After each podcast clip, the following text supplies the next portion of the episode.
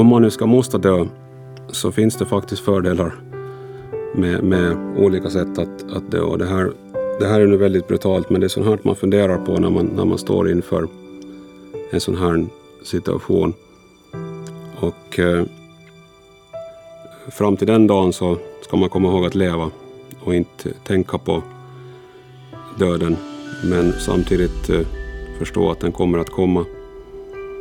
Och, och det här, det här är, är, både svårt för en själv och för, och för folk i byn så att säga. Ens familj och, och ens släkt och vänner och kollegor och så vidare. Men eh, det fanns en, en präst i Finström som, som sa att döden är inte värsta.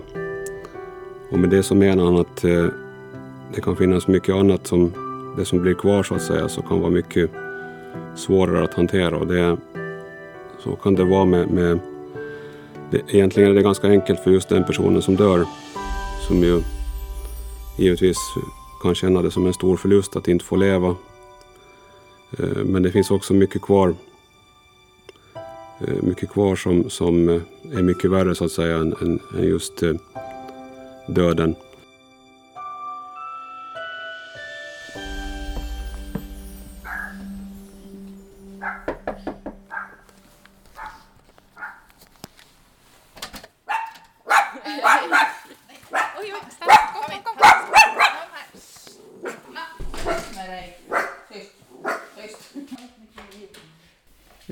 Knackar på hemma hos Ann Sundman. Det är henne vi hörde Danne Sundman prata om att lämna kvar, hans hustru och deras tre gemensamma barn. Danne Sundman diagnostiserades med cancer 2015. En cancer som senare visade sig vara kronisk och spred sig ut i skelettet. Den 24 november 2018 drog han sitt sista andetag, knappt två veckor före det som skulle bli hans 45 födelsedag. Hur var det för familjen att leva i dödens väntrum, medvetna om att en älskad make och far en dag skulle ryckas ifrån dem? Ann tar oss med in i läkarrummet där beskedet om att cancern var obotlig gavs. Jag minns bra den stunden och det var nog som en ridå som gick ner då. Jag förstod ganska snabbt att hur illa det var liksom. Jag tror att jag hade förstått före redan för att han hade ändå en just i det skedet när han fick reda på att han hade metastaser i revbenet så hade han ju redan ont på ett ställe som jag visste att det här är inte bra. Kände jag. Det kände jag ganska tydligt på mig. Minns du hur ni sen pratade med varandra efter det här besöket? Nej, men det är klart att vi var ledsna och inte, jag minns faktiskt inte riktigt exakt så. Jag kommer ihåg att vi satt i bilen sen efteråt och vi åkte hem. Även om han dels hade möten som man skulle upp på och jag skulle på jobb egentligen. Men det var, det var inte läge för att göra någonting annat utan vi åkte hem. Och det är klart att vi var ledsna och vi pratade men att Danne var väl alltid en eh, positiv människa, inställd positiv liksom på det sättet så att han visade nog inte lika mycket kanske som jag förstod. Ändå. Ja, du är sjuksköterska i grunden också. Jag tror mm. att det kanske gjorde att du det, gjorde, det gör nog jättemycket, ja. Det tror jag att jag har ju sett, sett en del också i och med att jag jobbar på akuten så har, ser man ju också liksom de människor som kommer in dit med sämre prognoser så att säga. Så att mm, jag hade ju en liten bakgrund till att, vad det innebär. Och det är klart att jag läste på ganska mycket också själv och insåg hur, hur det skulle gå. Ja, hur, hur såg vardagen ut sen efter det här beskedet? Eh, ni visste ju båda att det skulle ta slut. Hur, hur går det att leva som vanligt? Eh, Danne försökte leva som vanligt. Han ville nog visa alla att, att han kunde vara som vanligt och jobba på och lite sånt här. Och jag försökte väl också vara som vanligt men inte blir det ju ändå som så. Det är klart att man tänker, man blir att tänka på ett helt annat sätt. att Vad borde vi prioritera vår tid på nu? Liksom. Att vi visste ju inte heller hur länge det skulle ta.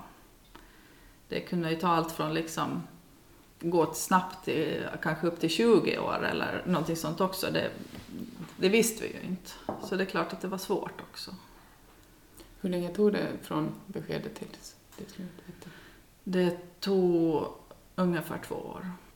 Ja, den här ovissheten är ju, vet man i alla livslägen, nästan det, det värsta att leva med. Mm. Det är absolut det värsta att leva med ovissheten. På många sätt.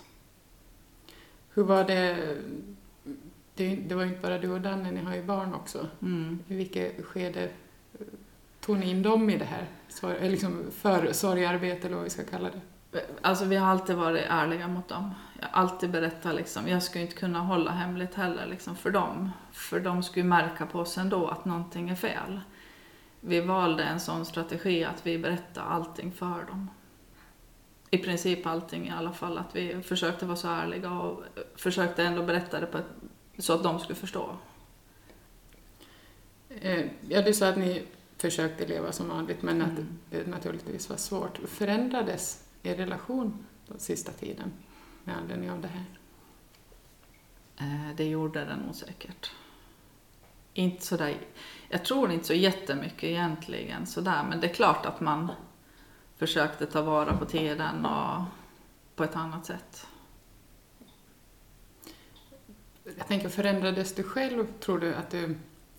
Man vill ju inte gråta eh, och vara ledsen kanske i sista Mm. tiden, man vill ha det bra. Stängde du liksom av någonstans? Mm. Kanske. jag vet faktiskt inte riktigt. Det är klart att man stänger av på ett sätt och försöker... Man är ju stark för båda... För, jag var ju stark både för Danne och för, för barnens skull också, absolut. Men nog kunde vi också... Nog kunde jag gråta också inför honom, det, det kunde jag liksom. Men i huvudsak var jag nog stark. Jag är ju eh, familjefar. Jag har tre barn som man kan säga är i tioårsåldern. Och, och det är en speciell ålder när, när barnen då de förstår vad som är på gång. Men eh, det, det kan samtidigt vara svårt för dem att, att helt ta in det jämfört med vuxna, vuxna människor. Då jag har en fru förstås och jag har syskon och, och många släktingar och vänner och, och kollegor som är engagerade. Min, min by är jättestor och, och jag har haft mycket hjälp och stöd av, av den här byn, om man säger så, människorna i den. Eh, ändå är det ju speciellt eh, när man får kronisk cancer och, och, och kanske måste lämna, lämna den här byn att uh, acceptera det och, och det känns ju mycket som en förlust att, uh, att måste lämna både ja, allt från, allt från då de som står mig närmast till alla fantastiska människor man känner. Och, och det, här blir, det här blir liksom det svåra med, med, med kronisk cancer. Att, att eh, alla de här fina människorna som jag har lärt känna eh, i den här byn, då, om man säger så, så, så, så kommer jag att måste lämna. Och det, det, jag ser det som en, en, en stor förlust på det viset. Och det här är ju tufft att prata om men all, allra tuffast är det ju med, med just barnen som man gärna skulle ha sett eh, växa upp och, och de får veta allt som händer i deras liv och så vidare. 10 år framåt och 20 år framåt och 30 år framåt när man kanske sen får, ska ha fått barnbarn och så vidare. Och det här är, det här är, är, är det kanske allra värsta och svåraste att hantera under, under den här sjukdomstiden och, det är tufft att, att vara stark inför de här, när man konfronteras med de här känslorna. Även om, om ni inte visste hur länge någonting skulle ta så hade ni ändå förstås börjat våga prata om vad som ska hända efter. Mm. Förstått att han hade ju vissa önskemål, till exempel att han ville att ni skulle sorgeflagga Mm. och så vidare. Så ni måste ju ha vågat prata om vad som skulle hända. Det faktiskt pratar vi inte om. Eh, det var att han berättade för mig att han hade skrivit ett, ett eh, dokument som fanns i hans dator. Och det fick jag absolut inte läsa förrän den dagen han inte fanns längre. Eh, men vi pratade mycket annat. Han, bland annat så lagade han lite Youtube-filmer till oss liksom hur, om vissa grejer. Det kunde vara eh, hur, eh, Eh, eh, det känns lite tungt att prata om, eller jobbigt att prata om egentligen. Men han la, gjorde såna här Youtube-filmer och visade om gården och historien om den till exempel. Eh, så att vi skulle ha liksom sparat på det sättet. För han var ju alltid sådär när vi fick nya besökare så gick han runt och visade gården med stolthet och berättade allting som har liksom hänt där och vem som ägt tidigare och, och sånt där också. Det, så det har vi ju sparat då. Och sen kunde det också vara sådana där grejer som att hur en eh, borrmaskin funkar, liksom. eller en skruvdragare. Då. Att eh, han hade en lista på grejer som han ville spela in då helt enkelt. Han gjorde en del men han hann inte med alla. Mm. För att kunna vara behjälplig och närvarande ja, på sitt sätt. Liksom. Ja. Okej, men han hade lämnat ett dokument i alla fall? För det fanns kanske saker mm. som ändå var svåra att prata om? Mm. Jag tror att det för honom var svårt att prata om egentligen. För mig, jag skulle inte haft, liksom, för mig skulle inte ha spelat någon roll men att han ville ha det så, så blev det. Men jag kommer ihåg den dagen när han dog, på, det var en lördagkväll som han dog och sen på söndagen så hade vi ju sorgeflaggning förstås och sen på söndag kväll så tog jag ner flaggan så som man ska egentligen och sen på måndag morgon ganska tidigt så öppnade jag då dokumentet och då, eller, um, eller var det på söndag kväll? Någon timme senare kanske jag öppnade det där dokumentet, så var det nog. Och läste det och då stod det just det här med tre dagars sorgeflaggning.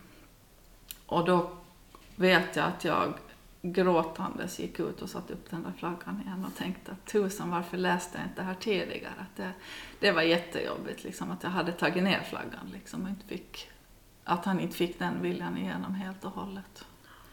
Och det handlade om en timme eller vad var det i slutändan? Det, jo, så var det ju, men det var liksom den där till grejen liksom. Och tillika var jag glad att jag läste det då. Att jag kunde göra, att jag inte läste det två, tre dagar senare. Jag kan tänka mig att, att öppna det dokumentet är ju det måste varit tufft. Det var tufft. Det var det. Tillika som jag visste att jag behövde göra det. Han, eh, han hade också skrivit faktiskt i sitt brev om att han hade pratat med dem på, på församlingen om var han ville ha sin grav. Men det hade han inte hunnit göra. Så det visste vi inte egentligen. Så när de skickade den här, vi kunde få välja, tror jag det var mellan tre platser. Så direkt jag såg den där platsen så tänkte jag, den ska det vara. jag kände det är lite typiskt honom att vilja vara lite. Danne vilar på Lämlands kyrkogård. I sitt så kallade vita arkiv beskrev han vilken gravsten han ville ha. Ett högt stenblock av röd granit som fanns hemma på gården. Han begravdes i en kista tillverkad av drivved. Han skrev att Ann kunde ta kontakt med Johan och Arvid Mörn som hjälpte henne att förverkliga önskemålet. Runt kistan sveptes sedan en åländsk flagga som han tidigare hade sålt, men som till slut återbördades. Den flaggan veks i början av begravningen till en instrumentell version av ålänningens sång. Graven finns bara några kliv in på kyrkogården, alldeles till höger om grusgången vid entrén. Den är lätt att hitta för alla dem som vill besöka honom. För han hade som sagt ett stort nätverk, en stor by. Vilket jag också är glad för idag, för det innebär ju för mig också att jag har lärt mig känna otroligt mycket människor. Och, och det är ganska skönt faktiskt. Man har ett stort kontaktnät fortfarande om man skulle behöva. Sen har jag svårt att använda det, men, men eh, det kanske kommer nog. Det är en jättestor utmaning och det vet jag min terapeut sa att du måste be om hjälp. Ja, jag, jag försöker men det går inte så bra. Men så det var väl från gång till gång jag träffade henne så sa hon varje gång att nu måste jag träna på det. Men jag är inte riktigt den typen. Jag är lite mer det här klara mig själv. kan själv. ja, ja. ja. Se var du är nu. Ja, exakt. Jag kan själv. det är ju så. Ja, du, nu sa du att ni pratar inte om allting, men en del säkert om, om, om vad som komma skulle och sådär. Kändes det någon gång surrealistiskt att ha de här mm. samtalen? Absolut. Många gånger. De flesta gånger. Det är liksom, tillika som jag visste så ville jag ju inte att det skulle vara så. Vad var svårast under den här tiden då, när man Emma sitter ju i dödens väntrum. Men det var, det var ovissheten, alltså att leva med den här ovissheten, den, den har jag känt efteråt en enorm press. Verkligen. Och det var ju jättejobbigt att veta också att jag skulle bli ensam med barnen. Och ensam med gården och ensam med radhuset och ensam med allting liksom. Eh, tillika som jag skulle också måste jobba, eller vilja jobba och eh, allting sånt här. Så att jag, jag kände att det snurrar på mycket i mitt huvud. Att hur ska det gå? Familjen Sundman bodde vid den här tiden på en stor gård i Lämland med mangårdsbyggnad med tillhörande uthus, en väderkvarn och ett stall. Vid sidan av det hade Danne många förtroendeuppdrag och drev företag som bland annat ägde fastigheter. Det här pratade Danne och Ann om och hon berättar att hon hade hans välsignelse att göra vad hon ville efter hans död. Det fick jag absolut. Eh, han försökte ju liksom säga åt mig att du måste begära hjälp eh, när du behöver hjälp. Liksom. Och, eh, och jag får absolut göra som jag vill sen efter att han inte finns längre. Det, det, han satt aldrig några begränsningar på det. Men det är ju säkert svårt ändå, tänker jag, att avsluta alla hans eh, tidigare förpliktelser så att säga. Alltså att, att slitas mellan vad du vill och vad han ville då i alla fall. Det är jättesvårt. Och som sagt var, det är klart att vi valde att flytta jag valde att sälja gården och eh, flytta dels för att det skulle bli lättare för oss. Eh, för det, ändå, det, låg, det var alltid någonting som skulle göras. Det låg alltid ett eh, dåligt samvete över att jag inte gjorde saker och jag har svårt att be om hjälp av andra människor. Jag tycker det är jobbigt för jag vet ju hur folk har mycket att göra ändå i dagens samhälle och det kändes inte bra för mig att be om hjälp. Även om alla sa att du måste be om hjälp så, så går det inte. Eh, så när, vi, när jag tog beslut om att, eller vi tog beslut om att vi skulle flytta till stan så slets jag nog med många känslor. Jag slets också med att jag sviker Danne. Jättemycket.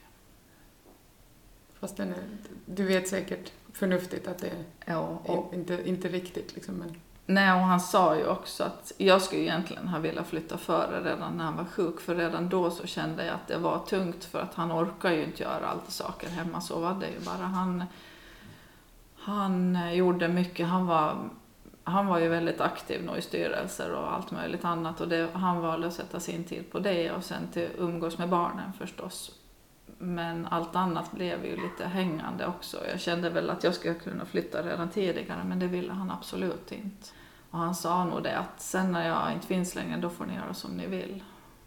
Eh, så visst vet jag ju att han vill att vi ska ha det bra. Det var hans viktigaste liksom, poäng i det hela. Att det var det han ville.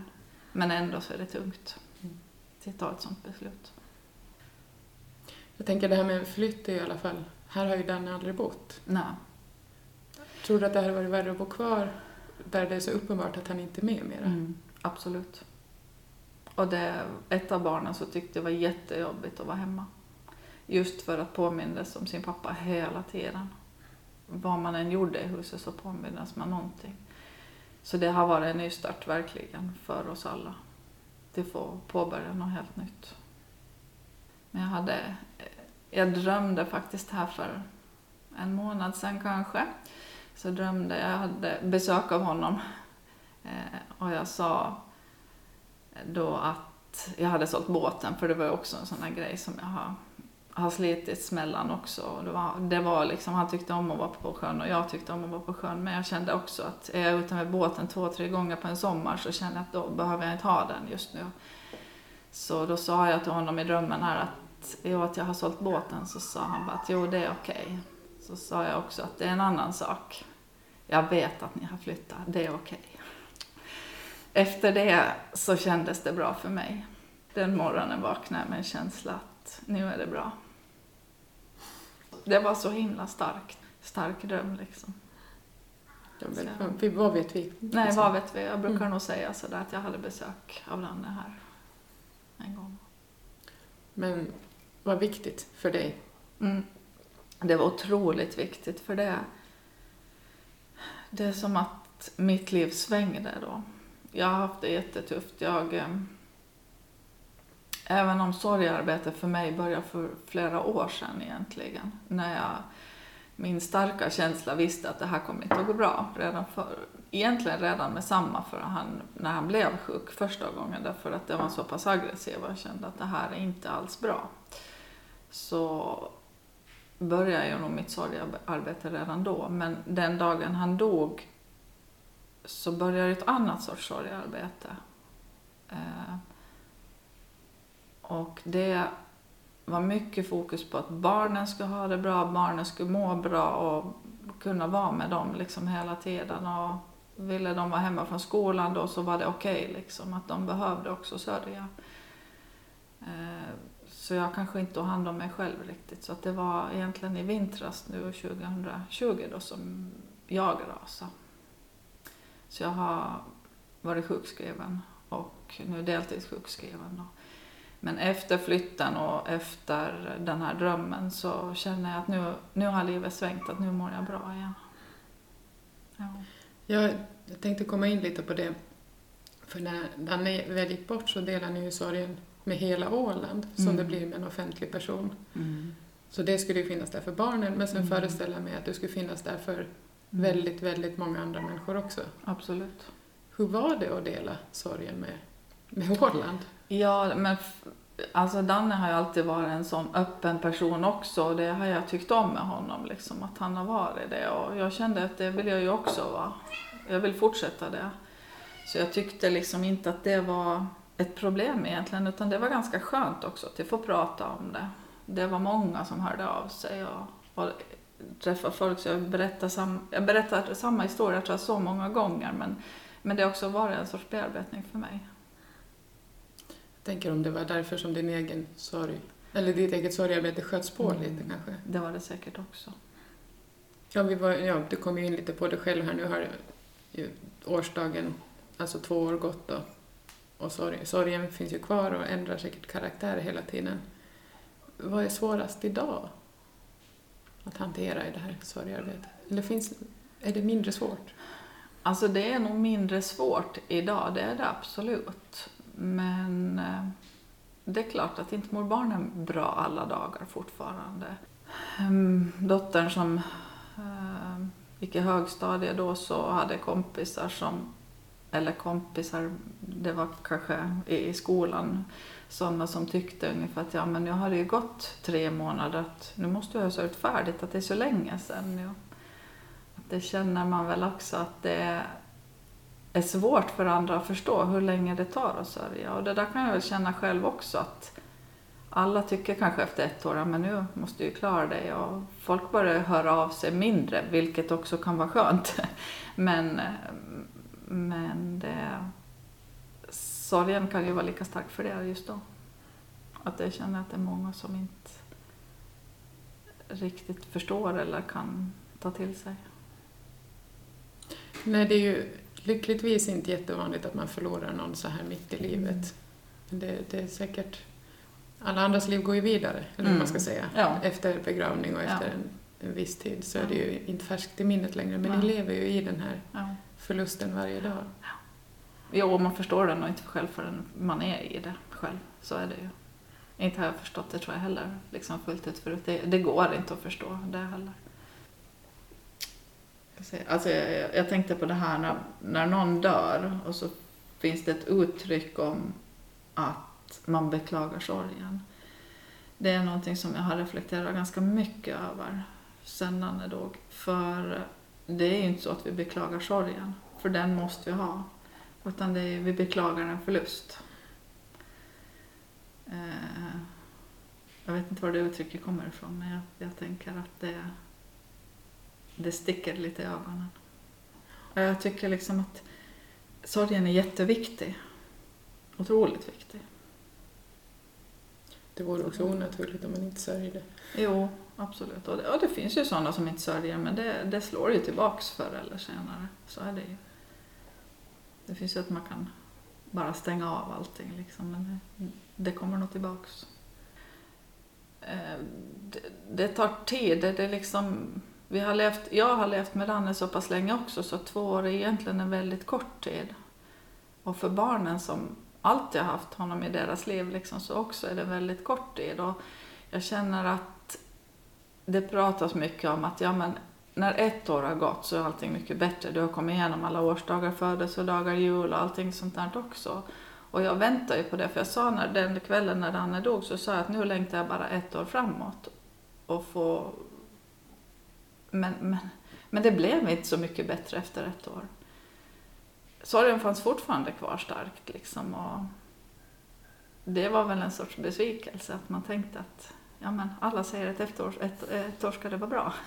Det, det stämmer inte för alla. Det är så att, att eh, det, svår, det svåraste med att lämna av och stiga av det här tåget så, så blir just att skiljas från att skiljas från sin hustru som man är gift med och har som är mor till ens barn. Och det här är tufft att prata om men, eh, men eh, det är någonting som kommer att måste ske och eh, det är som man säger när man gifter sig att det är tills döden skiljer oss åt. Och tyvärr så, så kommer det att bli så en dag. Och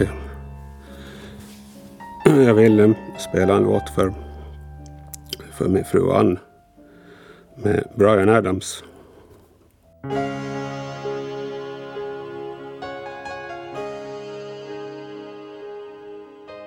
Han var ju ändå som sagt väldigt öppen med att han skulle dö och hade ett sommarprat där han pratade om sin sjukdom och vad som komma ska. Men det jobbigaste för honom var ju det som blir kvar, alltså du och barnen. Mm. Kunde han säga det till er också? Mm. Han tyckte nog det var jobbigt.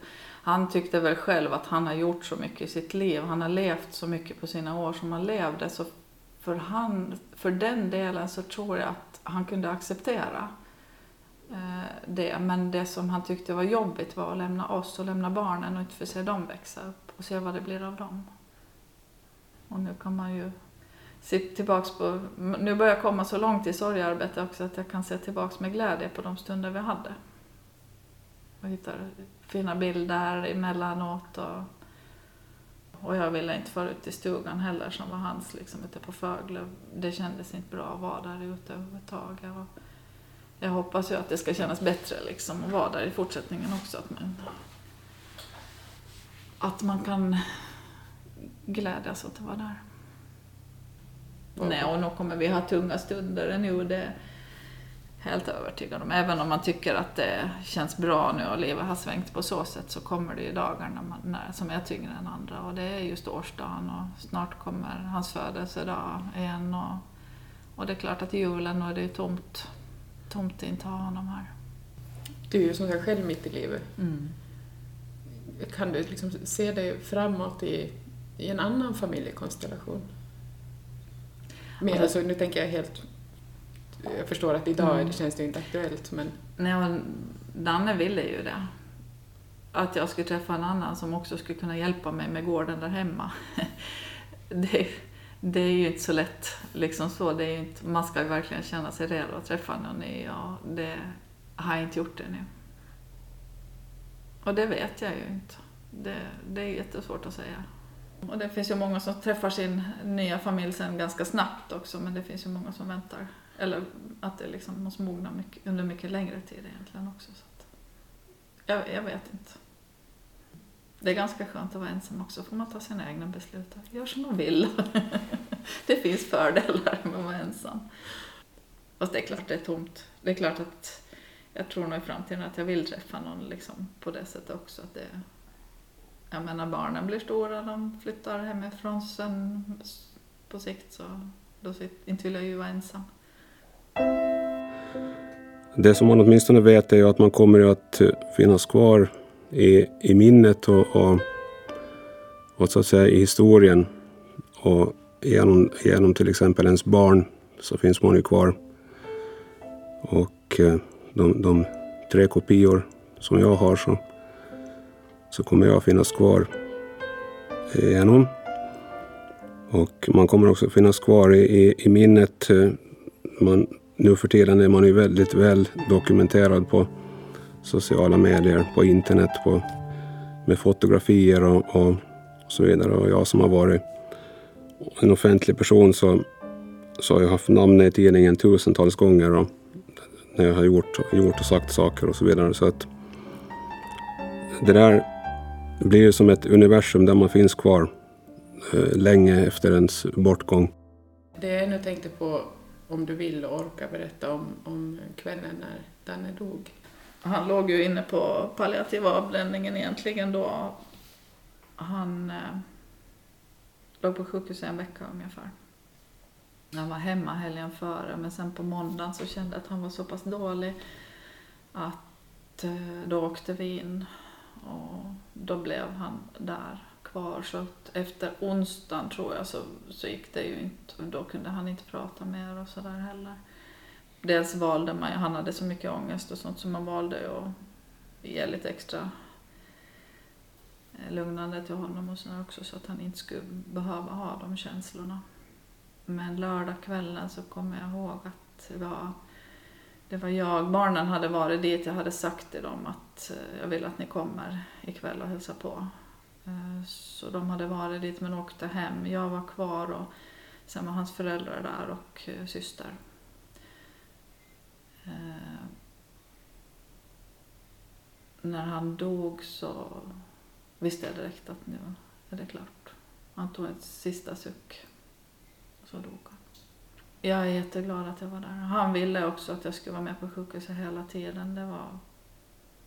Jag försökte emellanåt gå ut och eh, dricka kaffe eller gå eh, en sväng, fara och äta middag någonstans, någon annanstans och sådär ibland. Men att han eh, ville att jag skulle vara där hela tiden så det var, det var jag. Så jag sov också där.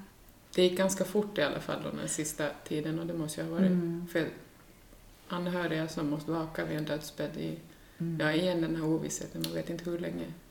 Jag tänker att det är någonstans när han inte längre är kontaktbar och så vidare, det är mm. ganska skönt att det går fort. Det är det.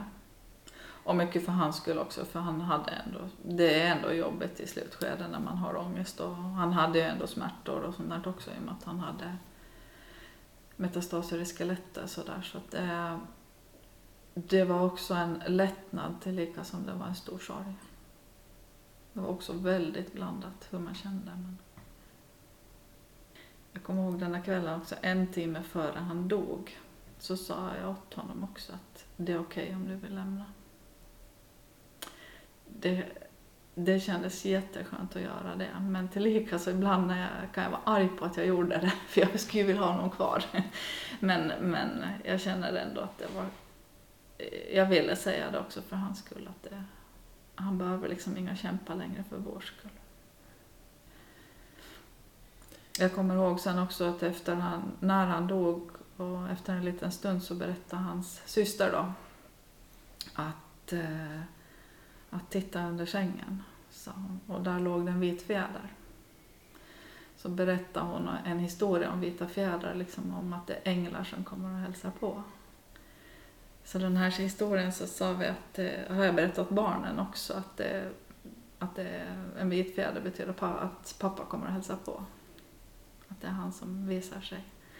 Det var en jättebra bearbetning för, också, för barnen också, att de varje gång de hittade fjädrar när vi var någonstans, och det kunde vara liksom, vi var faktiskt i stugan en gång på sommaren och de hittade en vit fjäder där och lite sådär så att det, det var en väldigt fin sak.